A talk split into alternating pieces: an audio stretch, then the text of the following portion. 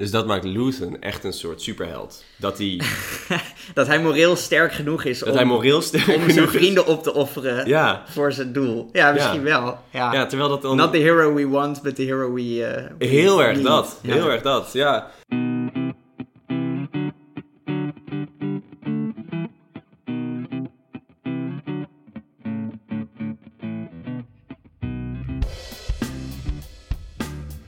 Welkom bij de Voor de Onschuld en welkom Torben. Welkom JW. Welkom luisteraar. Eh Torben, leuk dat jij erbij bent. Ja, Eh, vervanging van Jamie. En we gaan deze keer geen woord van de week doen, maar een eh, serie. Namelijk Endor. Endor. En waarom een gaan we... Met een A, inderdaad. Ja. En waarom gaan we Endor bespreken? Nou, Endor heb ik jou aangeraden. Ja. Het is een Star Wars serie. Eh, ik ben zelf niet per se een Star Wars fan. Jij bent niet per se een Star Wars fan. Maar Nee. we zijn het er wel allebei over eens dat dit een van de allervetste dingen ooit gemaakt is. Ja. Eh, ik werk zelf in de Niet, film... niet alleen in Star Wars, maar gewoon überhaupt. Ja. Ja, inderdaad. En ik ben zelf eh werk in de filmindustrie. Ik ben zelf heel veel bezig met films maken, ook met schrijven. Mhm. Ehm, maar daar wil ik het eigenlijk allemaal niet over hebben. Ja, ga deze Ik geloof er niks van dat het jou gaat lukken om het daar de hele aflevering niet over te hebben. Oké, dan heb je... Oké, nee, ik wil het misschien ook niet laten. Maar ehm, de, de serie zet aan tot denken. Ja. Het, het bespreekt heel veel thema's en die, die kan je eigenlijk op elke tijd en elk moment wel plakken. Mhm. Eh, zelf kreeg ik er heel erg klimaatgevoelens bij, maar daar gaan we het straks nog over hebben. Eh, en we willen dus eigenlijk thema's uit de serie nemen en die willen we bespreken. Ja, inderdaad. Eh, en er zijn eigenlijk drie dingen die ik even wilde bespreken. Eh, en het eerste, en dat is volgens mij ook waarom jij het zo fantastisch vindt, is, de, is het personage Luthen. Misschien moeten we trouwens allereerst zeggen, we gaan uiteraard, dit is heel obvious, maar we gaan natuurlijk alles spoilen. Dus mocht je als luisteraar denken van, ik heb hem nog niet gezien en ik ga hem ook niet zien, want ik hou niet van Star Wars. eh, verander nu je gedachten, zet deze podcast uit, ga de serie kijken, Endor, met een A is het. En eh, mail even naar de voor de onschuld.gmail.com van... hey, dankjewel voor de tip, want dit was fantastisch. En zet daarna weer de, deze aflevering aan. Ja, we gaan volgens mij echt alles spoilen. Ik er zag in jouw lijstje dat je de end credits scene van de allerlaatste aflevering ook wil bespreken. Ja, Dus- ik ga letterlijk tot, de- tot en met de laatste minuut ga ik spoilen. Ja. Oké. Eh, maar deel, eh, of ding 1 wat ik wilde bespreken is dus Luthen en zijn eh niets ontziende mentaliteit. Luthen is een personage wat eigenlijk een soort van de leider is van de Rebellion. En hij is fucking cool. We worden geïntroduceerd aan Luthen. Dan staat hij in een soort van ruimte en dan praat hij met Endor. En op een gegeven moment blijkt dat Endor getracked wordt. Hij heeft een soort van telefoonachtige unit bij zich. En dan pakt, pakt hij zo dat ding, dan gooit hij hem op de grond en zegt hij... Lesson 1, never carry anything you don't control. En dan, toen zat ik al zo te kijken van, oké, deze gast is fucking cool. Hij is ook nog vrij oud, dus je verwacht dat niet. En dan even later komen, dan vallen de bad guys binnen en dan blijkt dat hij allemaal explosieven in de deur heeft gestopt. En dan zegt hij, lesson 2, always plan your exit on the way in. En toen zat ik echt, ah, deze gast is zo vet. Maar wat is zo, hem zo bijzonder maakt, eh, voor mij is zijn, zijn soort van doel heiligt de middelen eh, mentaliteit. Ja, het is iemand die, die elke aflevering weer een extra laag erbij krijgt. Je komt erachter dat hij, dat hij echt niet zomaar een ruimte binnenloopt, wat explosieven achterlaat en dan weer eh, naar buiten hobbelt. Hij heeft, een, hij heeft een plan en dat gaat over, eh, dat gaat over jaren, dat gaat over decennia. Ja, En eh, daarin is alles, misschien alles wel geoorloofd. Misschien alles wel geoorloofd, ja, eigenlijk. Ja, ik, ik denk het wel. Ik zag op, op YouTube ook dingen langskomen over het trolleyprobleem. Wat zich ook wel een beetje opdringt hier. Want het is vooral opvallend hoeveel hij opoffert. En niet alleen maar van zichzelf, maar ook... ehm, er zit op een gegeven moment een scène waarbij eh, een, een rebel buddy van hem... ehm, die wil een soort van aanval plaatsen, maar dat is een trap van de Empire. En hij komt daarachter doordat hij stiekem een contact heeft daar. En dan kan hij dus zijn buddy gaan waarschuwen, die zichzelf de dood in gaat, eh, eh, gaat vechten. Hem en. En, 30, en ook nog 40 inderdaad nog, ander, ja, nog een, een legertje. En hij kiest er dan voor om dat niet te doen, omdat hij denkt van ja, maar dan ben ik mijn contact kwijt. Dus hij laat gewoon zijn, zijn vriend, eh, ja, zichzelf, de dood, of die jaagt hij bewust de dood in voor het grotere goed. En dat voelt ook best wel, ja, ongemakkelijk, vind ik dat als is het kijker. ook. Dat ja. is het ook. Het lijkt heel erg op. ehm, wat er in de Tweede Wereldoorlog gebeurde toen ze Enigma hadden gekraakt. Mhm. En toen opeens ja, van heel veel aanvallen wisten. Maar die dan niet gingen verhelpen omdat ze, eh, de, omdat ze bang waren dat dan de Duitsers zouden weten dat Enigma gekraakt was. En Oh. dat was een groter probleem voor ze dan gewoon ja, dan even dat schip opofferen eh, en dat gewoon laten bombarderen. Oh, oké. Ehm, En ze wachten met die, met die informatie tot er dan echt iets echt belangrijks zou komen of zo.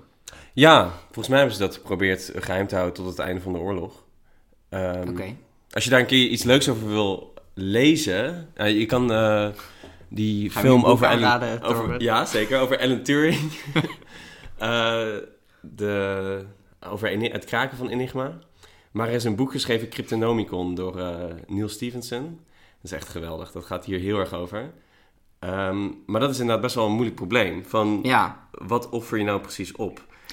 En zeker als het gaat om het bestrijden van een evil empire. ja, De empire is evil, vinden ze. Dat is een mening. Het is ook natuurlijk hetgene wat het, Nou, het universum in stand houdt en de beschaving in stand houdt. ja, maar in Star Wars is het ook een feit.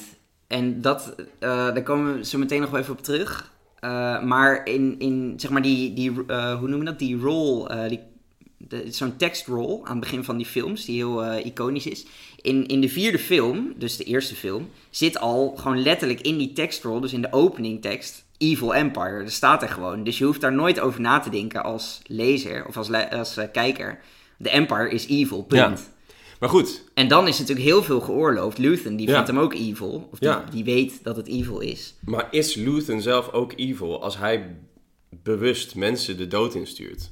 Mensen die hij kent en mensen die hem ook vertrouwen. Ja, ja, ik weet het niet. Alles voor het grotere goed. Wat bij mij heel erg eh, getriggerd is door deze serie, is mijn klimaatactivistische, zijn mijn klimaatactivistische gevoelens. Oké. Nou, ik heb dat gegoogeld en niemand anders heeft dat.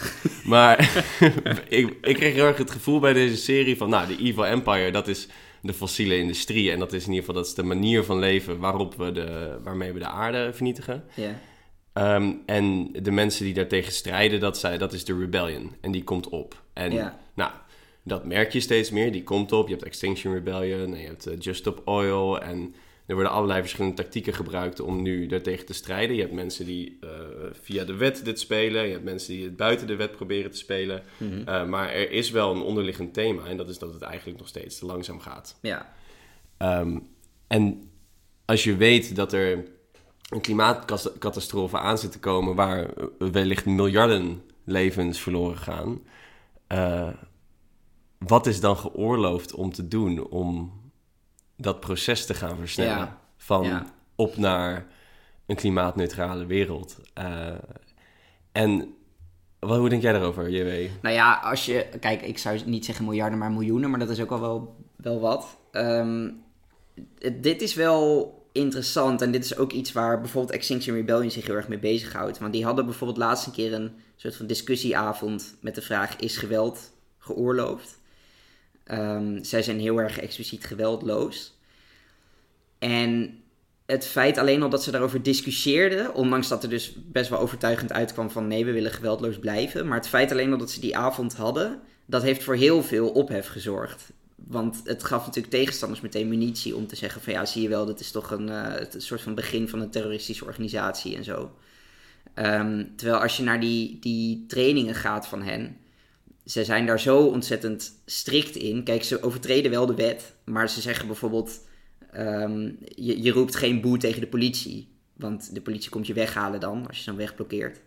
Ehm, en maar als je boe roept, is dat al een vorm van geweld tegen die individuen. En dat doen we al niet. Ja, Dus zij zijn eigenlijk weer in zekere zin ook best wel braaf. En je zou kunnen zeggen, ze gaan helemaal niet ver genoeg ook. ja, En het, het is ook best wel lastig van, ehm, ja, hoe ver moet je gaan? Want je wilt ook niet een soort van anarchie creëren waarin iedereen voor zijn eigen ideeën maar, ehm, ja, eh, alle grenzen over kan gaan. Die wetten, die zijn er ook niet voor niks. En ik, ik vind het wel problematisch als je, ehm, ja, echt mensen offers laat brengen die inderdaad die jou vertrouwen. Om weer terug te komen bij Luthen. ja. Ehm, en hoe, maar het is ook wel hoe explicieter het wordt, hoe eh, ongemakkelijker het ook voelt. Ehm, want aan het begin zit een, eh, dan hebben ze voor elkaar gekregen dat de, de Empire een soort van eh, extra politieacties gaat doen. Dus extra dictatoriaal gaat zijn. En Luthen die ziet dat als een goed ding, want dan denkt hij van dan komen mensen in opstand als, zij, als de Empire maar hard genoeg is. Ehm, en dan zegt iemand ook tegen hem van, but people will suffer. En dan zegt hij, that's the idea. En dan denk je van, wow, deze gast is echt slim, want hij ziet het grotere plaatje. En later komt dat fragment waar we het net over hadden, dat hij bewust ook 30 mensen de dood instuurt. En dat voelt veel erger, terwijl eigenlijk is het niet erger, want people will suffer. Als je dat over een, een galaxy-wide empire zegt, dan is dat waarschijnlijk veel meer dan 30 levens. En, en mensen die niet doodgaan, die hebben het ook nog zwaar. Maar ja, als het dan expliciet wordt, en ik, ik denk, je hebt dan 30 mensen en die zien we niet eens in, het, in, het, in, in screen. Als het nog minder mensen zouden zijn, maar we zouden ze bij naam kennen, dan wordt het weer nog erger. Want je, je wil gewoon niet die mensen opofferen die je kent. En dat is denk ik ook een soort van menselijke neiging om, ehm, ja, als je mensen kent of als, je mensen, als mensen een gezicht of een naam krijgen, ja, dan wil je ze niet meer opofferen. En dan voelt een, een ramp die misschien wel veel meer mensen laat lijden, maar veel abstracter is, voelt dan veel minder erg. En Ja. dat is denk ik ook met het klimaatprobleem natuurlijk zo. Ja, zeker. En dan vind ik wel interessant hoe jij dan hierover denkt. Eh, en zeker ook of jij vindt dat Luton gelijk hebt. Ook gegeven dat jij eerder een podcast hebt gemaakt over, eh, hoe heet die beweging ook alweer? Eh, voor de goeddoenerij. Ja, effective altruism. Exactly. Nou, ik ben wel heel erg van het utilitarisme. Dus inderdaad wel een, een offer kan gebracht worden voor het grotere goed. Komt het een beetje op neer. Ehm, en ik zou, als je het dan over tro- trolleyproblemen hebt, ben ik eigenlijk wel van de school van zet die hendel maar om. Dus offer één iemand op om vijf mensen te redden.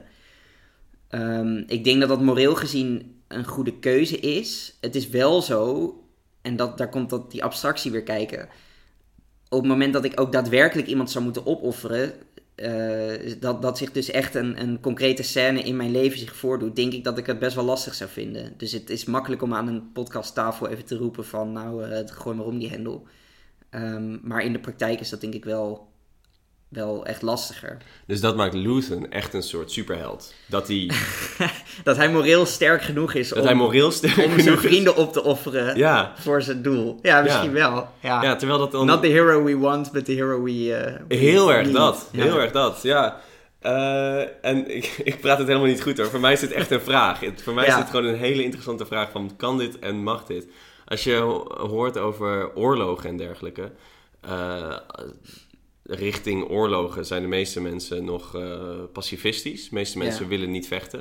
De meeste mensen willen niet naar een front. De meeste mensen willen geen wapen in hun handen. Ja. Het is eigenlijk pas op het moment dat er dan eh, een paar mensen naar het front gestuurd worden en die gaan vechten, dat mensen het gevoel krijgen van, wacht, maar ik wil mijn buren, ik wil mijn broer, ik wil mijn Ja. neef, wil ik graag helpen. Ja, En dus de, de redenen om te vechten zijn heel vaak heel persoonlijk. ja, En dus echt precies het tegenovergestelde van wat Luton doet. Luton is echt de, de, de, ja, de, de complete anti van de menselijke, het menselijke instinct. Zo van, Ja. ik wil niet vechten totdat het opeens persoonlijk wordt. En dan ben ik best wel bereid om mezelf op te offeren. ja. En Luton zegt juist, juist de mensen die ik ken en waar ik controle over heb, die durf ik op te offeren. ja. Het is, ja, dat is echt iets heel Ja, anti-menselijks. klopt. En, en- maar er zit ook nog wel een aanname in, want je noemt nu oorlog. Hè? En, en het is ook een oorlog, eigenlijk, die Luthen voert. En Ja. we hadden het er net al even over, je hebt dus de Evil Empire. En als je de Empire als evil ziet en dat als, als een feit aanneemt, dan is dit ineens een, een trolleyprobleem. Maar er zit nog wel die aanname achter. Kijk, want bijvoorbeeld Poetin, die stuurt ook heel veel mensen de dood in. Voor Ja. zijn oorlog. En daarvan zeggen we allemaal van ja, dat is niet goed. Dus je moet wel echt op de een of andere manier heel erg zeker weten dat je aan de goede kant staat. En ik denk dat in een oorlog in het algemeen beide kampen dat denken. Dus ja, hoe verzeker je jezelf er dan van dat jij echt aan de goede kant staat? Dat Ja. is nog wel weer lastig. En ik denk dat dat voor Luthen ook wel geldt. Want inderdaad, die Empire zorgt ook weer voor heel veel welvaart en stabiliteit. Ja, zeker. Ja, voor Ja. heel veel mensen is het gewoon eh, hun paycheck en de manier waarop ze kunnen eten. En, ja, en gewoon een gezin kunnen onderhouden. Zoals ook de Romeinen bijvoorbeeld waren in, eh, hier 2000 jaar geleden. Wel in zekere zin een evil empire, maar ook weer heel veel welvaart en stabiliteit. Ja. ja. Hey, eh, maar om ze toch even duidelijk te maken dat ze wel evil zijn, wil ik ook even naar puntje 2. Ja, ja. En dit was in aflevering 8 begon dit. Er wordt Endor namelijk naar de gevangenis gestuurd. En dit, is, dit was voor mij echt, nou ja, echt het punt waarop ik, waarop ik gewoon de serie direct zo'n beetje heb gebinged en af wilde kijken. En het echt helemaal mijn, ik, ja, echt insane goed werd voor mij. Uh, Endor wordt opgepakt. Eigenlijk heel erg willekeurig. Hij heeft wel het een en ander op zijn kerfstok, maar daar heeft het niks mee te maken. Het is gewoon toevallig dat hij daar loopt. En hij wordt zes jaar naar de gevangenis gestuurd en te werk gesteld in een soort van fabriek. En ik vond het ontzettend indringend hoe goed het allemaal was opgezet. Um, hij wordt echt naar een planeet ge gevlogen, naar Kina 5. Daar is een soort strafkolonie. Die is in zee, dus hij kan ook niet echt uh, ontsnappen. En er zijn daar maar een paar guards en, en honderden, misschien wel duizenden gevangenen die in een soort fabriek uh, units aan het maken zijn. En met die paar guards weten ze dat helemaal gewoon. Die, die gevangenen hebben geen schijn van kans, zeg maar. En die hebben ook het idee dat ze geen schijn van kans hebben. Uh, die zitten daar gevangen en ja, door een heel streng regime is het dus mogelijk om die mensen aan het werk te houden. En als ze niet werken, dan worden ze ook gemarteld. Dus ja, ze moeten wel werken. Ze kunnen ook niet ontsnappen. Eigenlijk de enige. Uh, en om, om aan te geven hoe indringend dit voor mij voelde. Kijk, het enige moment waarop iemand zeg maar ontsnapt tussen aanhalingstekens is een zelfmoord van iemand. Want ze hebben namelijk die vloeren die ze onder stroom zetten. En daar laat iemand zich op een gegeven moment opvallen. Uh, en dan uh, nou ja, is hij dood. En dan is hij dus een soort van ontsnapt. Zo wordt dat ook door een deel van die gevangenen gezien. Um, en dat gebeurt maar één keer, maar aan de reactie van de andere gevangenen kun je wel zien dat het vaker gebeurt. Um, en daarvan dacht ik van dit is eigenlijk de enige fout in het ontwerp van die gevangenis. Dat het dus wel mogelijk is om zelfmoord te plegen. En dat geeft ook aan hoe duister het eigenlijk is dat, dat het dus een fout in het ontwerp is dat je zelfmoord kan plegen. Maar om aan te geven hoe, hoe indringend het voor mij was, ik heb hier ook over gedroomd. En ik was namelijk vooral uh, heel erg gefascineerd door die cellen waar ze in zaten, s'nachts. Dat daar niet eens deuren in zaten en zo. Het was gewoon, ja, je zit in een soort van nis. Je hebt een bed en een uh, soort slang waar eten uitkomt. En de vloer wordt onder stroom gezet, dus je kunt niet weg. En ik heb gedroomd dat er in die nis een gat zat naar de nis eronder. En daar ook weer een gat naar de nis daaronder, waar ik mezelf zeg maar in kon gooien. En dat ik dat zag en dat ik dacht, oh gelukkig, er is wel nog een weg hieruit. Want als ik echt weg wil, kan ik altijd nog zelfmoord plegen. Dus zo, zo indringend was het voor mij om, om dit te zien. Uh, en zo goed hadden ze in mijn optiek die, die gevangenis uh, neergezet. En waar deed het je dan het meest aan denken? Hoe bedoel je? Nou, wat, wat in het echte leven doet dit je het meest aan denken? Bijvoorbeeld een, uh, een kantoorbaan of iets dergelijks? Nee, nee, nee, gelukkig niet. Nee, okay. nee, ik heb echt absoluut niet. Nee, mijn leven heeft echt geen enkele gelijkenis hiermee. Maar ik weet natuurlijk wel dat er. Um, maar het, het, voelde niet heel realistisch. Maar er zitten wel kernen van waarheid in. Want ik weet ook wel dat er, dat er slavernij. Nou, is natuurlijk sowieso op grote schaal voorgekomen. En komt nog steeds ook wel voor. Um, en zeker als je het echt over de slavernij hebt van, die wij vanuit uh, zeg maar de, Afrikaanse tot slaafgemaakte die wij als Nederlanders ook uh, hebben uitgebuit. Dat heeft, daar lijkt dit heel erg op, want dat waren ook mensen die niet eens iets verkeerd hadden gedaan. Maar die gewoon willekeurig werden opgepakt en in zo'n kamp gegooid.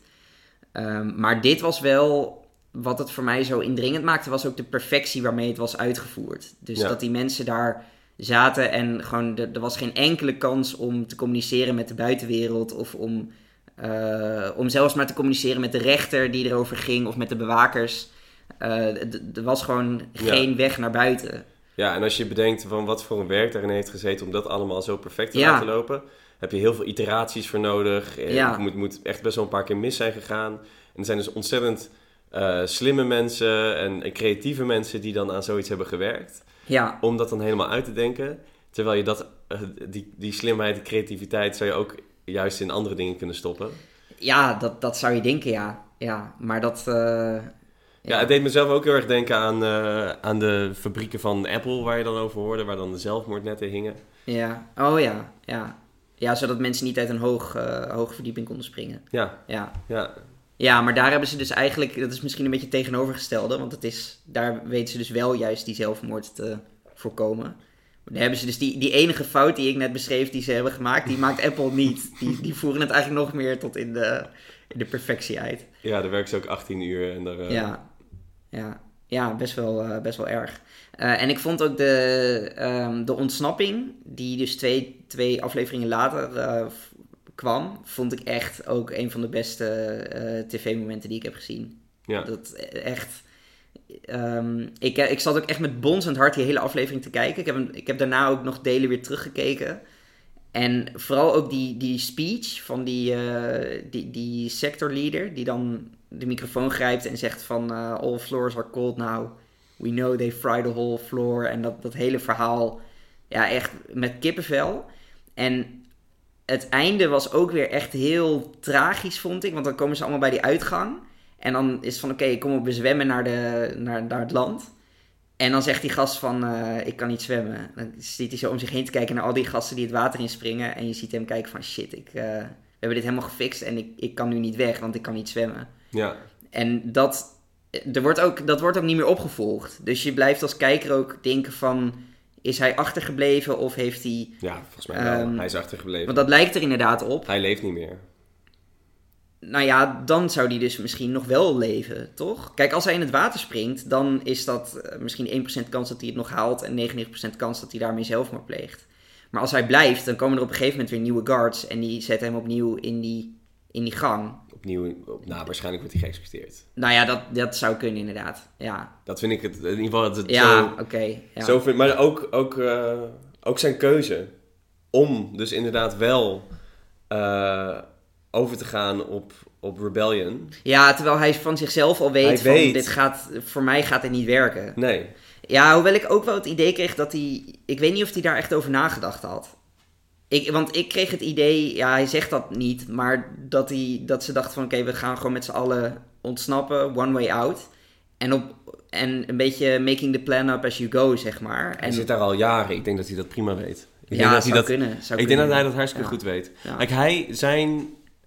Als we hem leren kennen, dan, dan is er voor hem één doel. En dat is eruit komen. En dat is dus... eh, voor hem is het heel erg doel heilig te middelen. In de zin dat hij, eh, dat hij gewoon keihard gaat zijn voor zijn eigen crew. Mhm. Hij gaat, hij gaat geen vrienden worden met ze.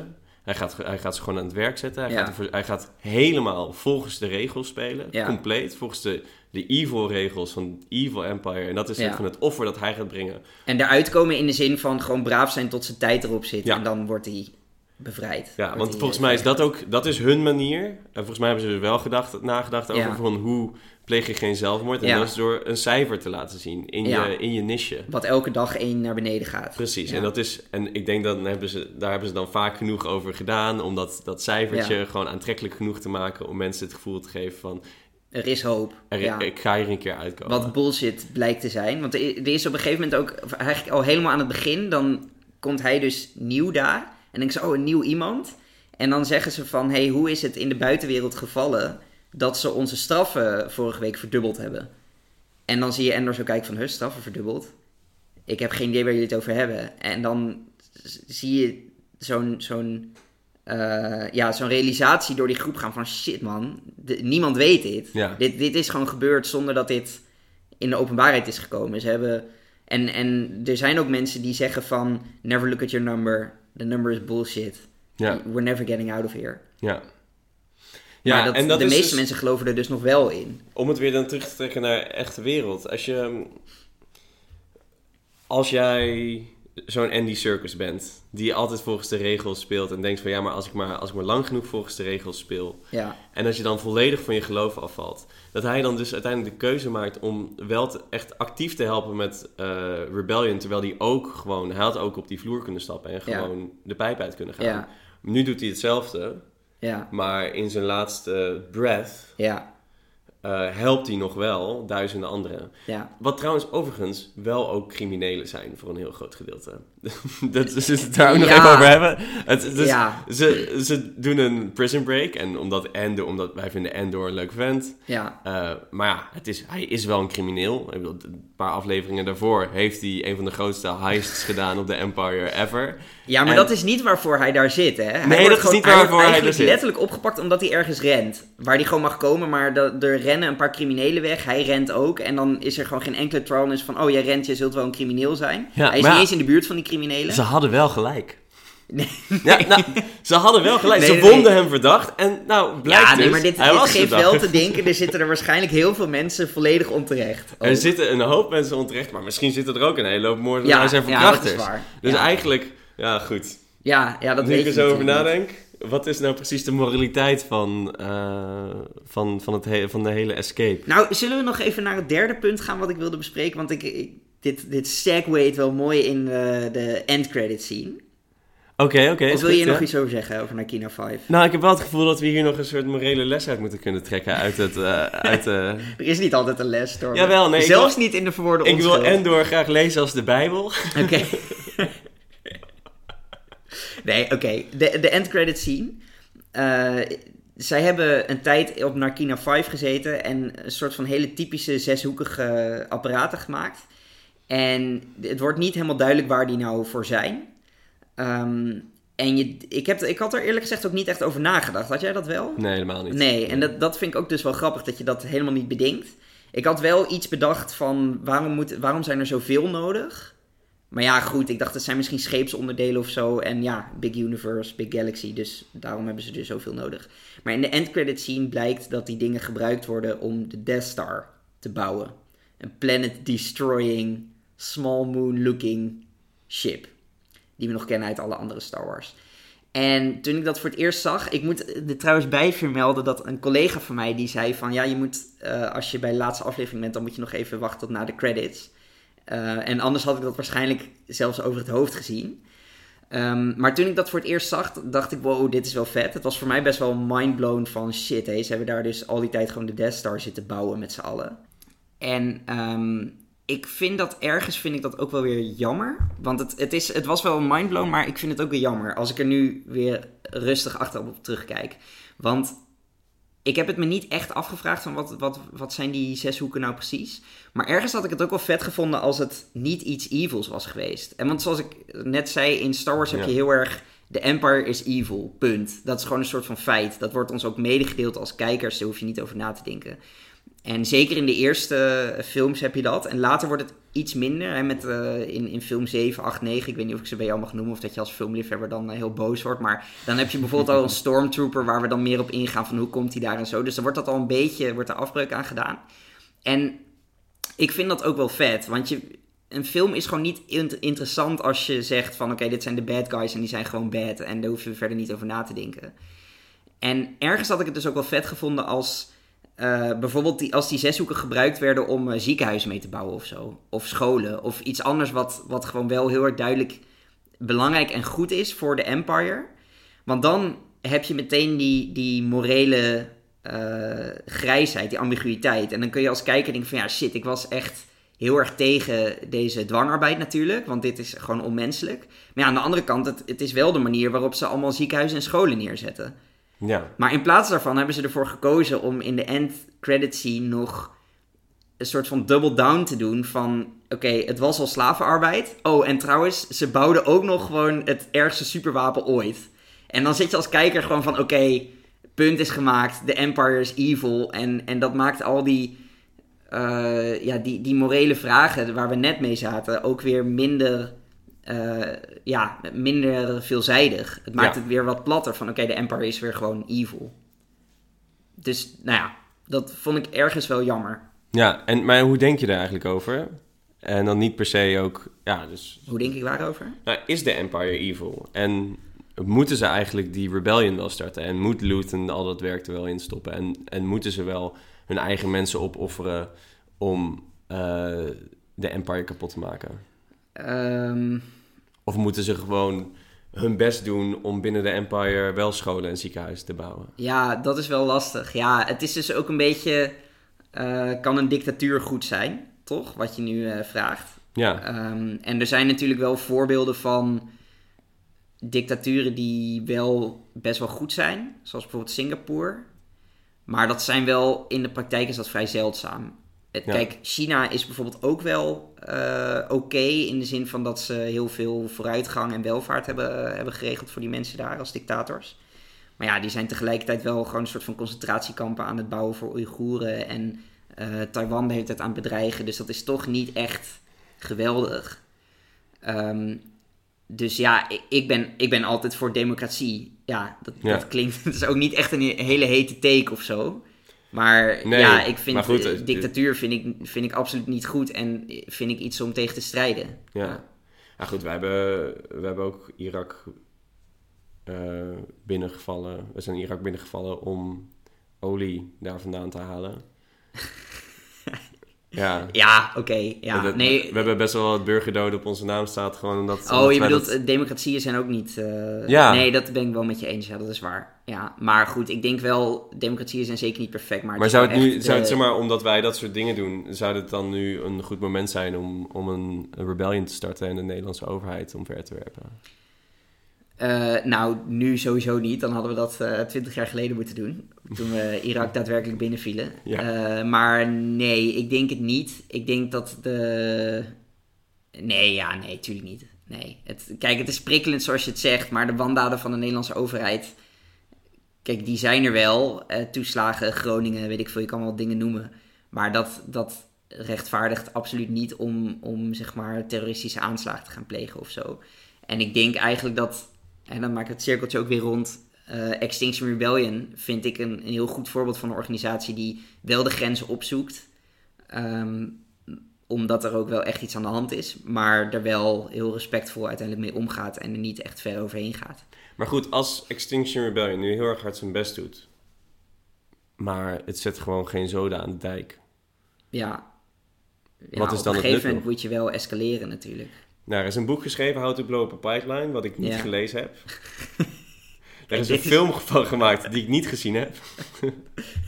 Dit is waarom ik meestal opneem met Jamie. Die heeft die boeken tenminste wel allemaal gelezen. Ja, ik ben de antithese van Jamie. ik, ik, ik zeg dingen over dingen waar ik echt niks over weet. Maar ik heb dus wel een podcast... Pas, Een podcast geluisterd. ik heb wel een podcast geluisterd met de maker ervan. Oké. Eh, en die dat vond ik heel, heel leuk om, om hem te horen. Hij praat heel rustig en relaxed over... Nou, dat dus het, het stuk maken van dingen zoals een, een pijpleiding. Mhm. Eh, dit boek is overigens geschreven voordat de Nord Stream werd opgeblazen. En de film is voor het eerst in première gegaan ongeveer een maand voordat, die, Oeh. voordat de Oh, Nord Stream oké. Ja. werd opgeblazen. Dus jij denkt dat ze dit boek als een soort van recept hebben gebruikt? Nee, ik, ik, ik denk daar helemaal niks over. Nee, ik ik denk daar absoluut niks over. Maar deze man die vertelt wel, die vertelt heel, op een hele rustige toon hoe eigenlijk elke succesvolle grote revolutie wel begint met, ehm, eh, Geweld. in ieder geval met geweld tegen spullen. Ja. Ja. Geweld tegen spullen, daarvan zegt hij, dat is absoluut geoorloofd. Ja. Dat is gewoon, daar moet je niet te veel over nadenken. Maak gewoon lekker een raffinaderij kapot. Maak gewoon lekker dit kapot. Ja. Gewoon blaas het lekker op. Dat is echt helemaal goed.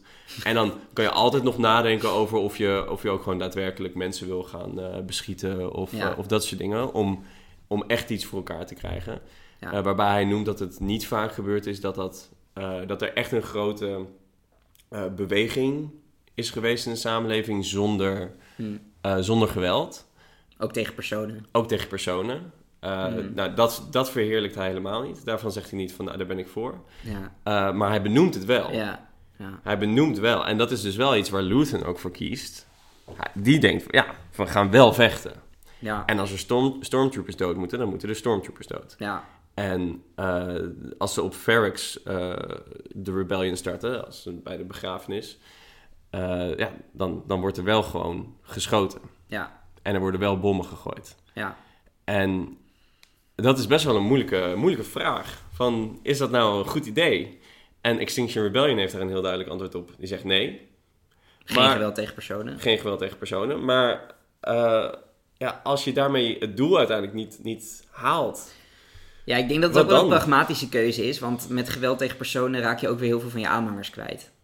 Ja, zeker. Dat is ook, als, als Extinction Rebellion nu allemaal aanslagen zou plegen, dan zouden ze, denk ik, eerder minder dan meer bereiken. Ja.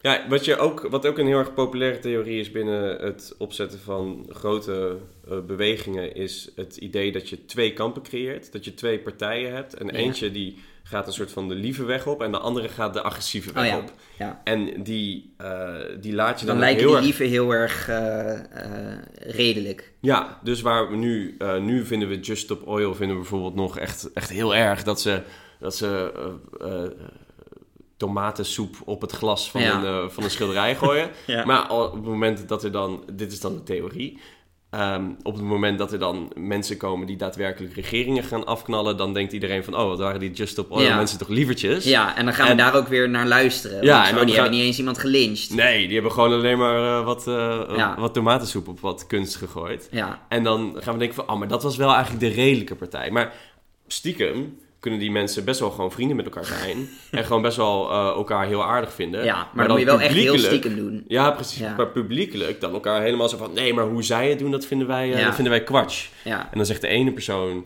die zegt, oh, zij doen te weinig. En dan zegt de andere persoon, oh, zij doen veel te veel. Zodat iedereen uiteindelijk, zodat je over het hele spectrum van het electoraat als het ware, eh, medestanders kan krijgen die uiteindelijk wel voor hetzelfde doel strijden. Maar gewoon op een andere manier. ja. Ehm, en dat is wel iets, denk ik, wat Luthen ook heel mooi aanpakt in zijn, in zijn strijd. Hij, hij bespeelt alle velden. Ja. Hij heeft Mon Mothma, die zit in de regering en die... Die, probeert daar een beetje eh, mildere policies voor te stellen en zo. Ja, hij heeft, hij heeft een paar eh, hele extreme strijders in, Ja. ehm, eh, Die echt dingen opblazen. Ja, die echt dingen opblazen. Ehm, en zo probeert hij het hele spectrum probeert hij te bespelen. Ja, En, een, en uiteindelijk daardoor zijn hele plan door te voeren dat er, dat er een grote rebellion kan beginnen. Ehm, ja, dat vond ik wel Ja. een hele leuke... dat is wel vet, inderdaad. Ja. Ja. En dus ook... Hij speelt eh, 3D chess, 5D chess. Five teachers. hij, hij speelt op alle borden tegelijk en hij is gewoon de grote master van het hele. Ja. En de, de master aan de andere kant, de Empire, of de Emperor, die zien we niet hè, in de hele serie. Die komt, eh, komt niet voor. Misschien in seizoen 2, weet ik niet. Ik denk het eigenlijk niet. Maar, want ze willen volgens mij niet te veel doen met al die, eh, met de Force en met eh, Jedi's en met eh, lightsabers en zo. Ja, misschien Dus kunnen het we daar nog wel even over praten, want dat vind ik zelf wel heel interessant. Oh, hoe Ehm, lang wil je nog hierover praten, Torben? Want we zitten nu al op eh, meer tijd dan een gemiddelde De Verwoorde Oh, aflevering. Eh, nee, misschien een andere keer dan over hoe de worst gemaakt werd. Ja, ik ben zelf heel erg fan van Tony Gilroy, van de schrijver. Nou, nog heel heel eventjes lang. dan, nog heel eventjes. Ehm, Ja, nee, Tony- dat is de schrijver van Endor ook. Ja, dat is de schrijver van Endor. Hij maakt, ja, ik vind dat hij echt, eh, ik ben heel erg fan van zijn werk. Mhm. Eh, en hij is zelf helemaal geen Star Wars fan. Oké, hij is zelf heel erg een character-driven schrijver. ja. Eh, dus bijvoorbeeld, hij heeft eh, Jason Bourne heeft hij ook gemaakt, de Bourne Identity-serie. Ja. Heeft hij gemaakt, wat eh, gebaseerd is op een boek. En dat boek is heel erg actie, heel erg thriller, heel erg hoe je dat gewend bent. Mhm. En de twist die hij daaraan gegeven heeft dan, is nadenken van... Nee, maar die persoon, die Bourne-persoon, Ja.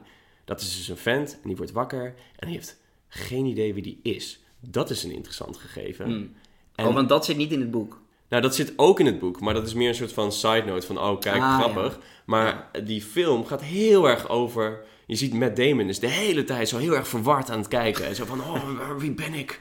Oh, en dat, daar gaat het heel erg om. Ja. En dat is waar hij steeds voor kiest. En eh, nou, Michael Clayton is een van mijn favoriete films, gaat eigenlijk ook heel erg over, wie ben ik nou eigenlijk, wie ben ik nou eigenlijk? Ja, En eh Endor is, is een serie die is volledig soort van gemaakt op één zin die in Rogue One zit. Namelijk, I've been fighting this fight since I was six years old. ja, En nou, van oké, maar wie is die vent dan? ja. ja. Want dan Ehm, denkt Tony Gilroy van, oh, dat is een vette zin. Dat gaan we helemaal Precies. uitbouwen. We beginnen En bij hoe- dat hij zes is en we gaan het helemaal... eh, Hoe kom je nou van een vent die eigenlijk vooral nergens iets mee te maken wil hebben... naar iemand die met volle passie en overtuiging eh, de, ja, de Death Star uiteindelijk Ja. proberen op te blazen? Ja, nou stop zo'n vent eh, een half jaar in een, in een gruwelijke gevangenis en eh, je hebt hem. Ja, en dat is dus iets waar. En dan eigenlijk waar, waar dus de maker van de serie helemaal niet over nadenkt. Is van, ja, wat, wat moeten we nou met die lightsabers? Wat moeten we daarmee? Ja. Dat is... eh, ook als je interviews met hem luistert, wat ik heel erg kan aanraden, zijn de Jeff Gold, Goldsmith Q&A sessies Mhm. met Tony Gilroy. Als je iets wil weten over het schrijfproces, is dat ongelooflijk interessant om te luisteren. Oké. Eh, ze schuwen niet voor gewoon moeilijke taal gebruiken. Om, het gaat gewoon heel erg over het schrijfproces. Eh, daar is hij helemaal niet mee bezig. En Met die lightsabers en zo. met die lightsabers Ja. en zo. Het, het, is eigenlijk, het is echt een verhaal over Endor. En eigenlijk alles eh, draait ook een beetje om die vraag van... hoe komt zo'n persoon nou Ja. tot die keuzes Ja, in, in het leven? Ehm, en daarom kijk ik naar Endor ook veel meer met een, met een blik van... Het is, het is meer een soort... Het is niet per se een Star Wars verhaal. Het is veel meer een Tony Gilroy verhaal. Het, Ja. het lijkt... Het, het, het decor is Star Wars. Maar ik heb zelf ook eigenlijk niet zo heel veel met Star Wars. ja. Eh, maar het verhaal is echt heel duidelijk Tony Gilroy. Dus Ja. als je Endor leuk vindt, kijk ook zijn andere werk, zou ik zeggen. Oké, nou ja, Ja. dat is dan de aanrader waar we mee afsluiten, denk ik. Zullen we nog even naar de limericks? De Want ik hoorde dat jij er ook een had, eh, Torben. Ja, ja. Wil jij als eerste? Ik heb natuurlijk ook een limerick over Endor. Ik heb... eh, ja, ik luister natuurlijk altijd naar jullie limericks. En ik, eh, ik ben zelf altijd erg benieuwd of ze weer een beetje de regels gaan volgen van de limerick, van de vorm. Ik heb zelf dingen moeten opofferen voor, om de vorm te volgen. Oké. Want ik dacht, ik ga dat een keer proberen om echt eh, in de vorm te blijven. Ja, en ook in het kader van opoffering, wat toch ook een beetje het thema is van deze aflevering. Ja, zeker. Oké. Ik heb, ja, nee, dus ik heb humor. Eh, ik had eh, versies die, die naar mijn idee leuker en grappiger waren. En daar, die heb ik een beetje laten varen om binnen de vorm te blijven. Komt-ie. Er was eens een nietsnut uit Ferex. Om vrij te zijn reisde hij parsecs. Zijn opstand begon, maar kapitaal won. Nu werkt hij gedwongen voor FedEx. Wow, nice man. Dit is ten tijde aflevering 9. Eh, ja, inderdaad. Ja. ja, ja. Oké, ik heb er ook een. Ik heb echt niet het Star Wars nerd gen hoor. Maar ik keek laatst een film over Endor. Na aflevering 8, toen sliep ik geen nacht. Naar Kina 5, daar werd ik fan door. Oh, Fendor! Prachtig. ja, ik ben er best trots op. Ja, heel mooi. Heel Nou, mooi.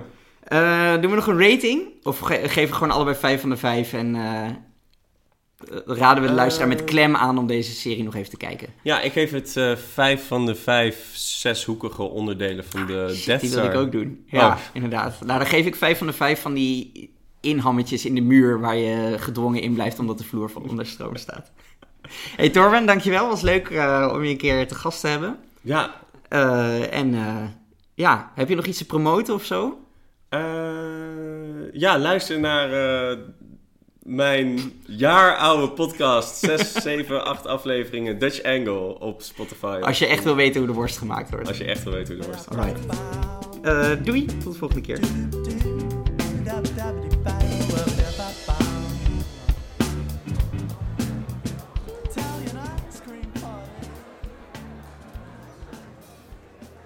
Eh, in Rogue One, ik heb die film niet gezien. Oh, Eh, want dat is namelijk, dat is het mooie aan Endor. Je kunt het gewoon kijken zonder dat je echt... eh, oh dan moeten we dit er misschien even uitknippen. Want we hebben helemaal niet verteld dat we Rogue One ook gingen spoilen. en dat heb ik zojuist voor jou Dat is gedaan waar, ook. ja. ja. Ja,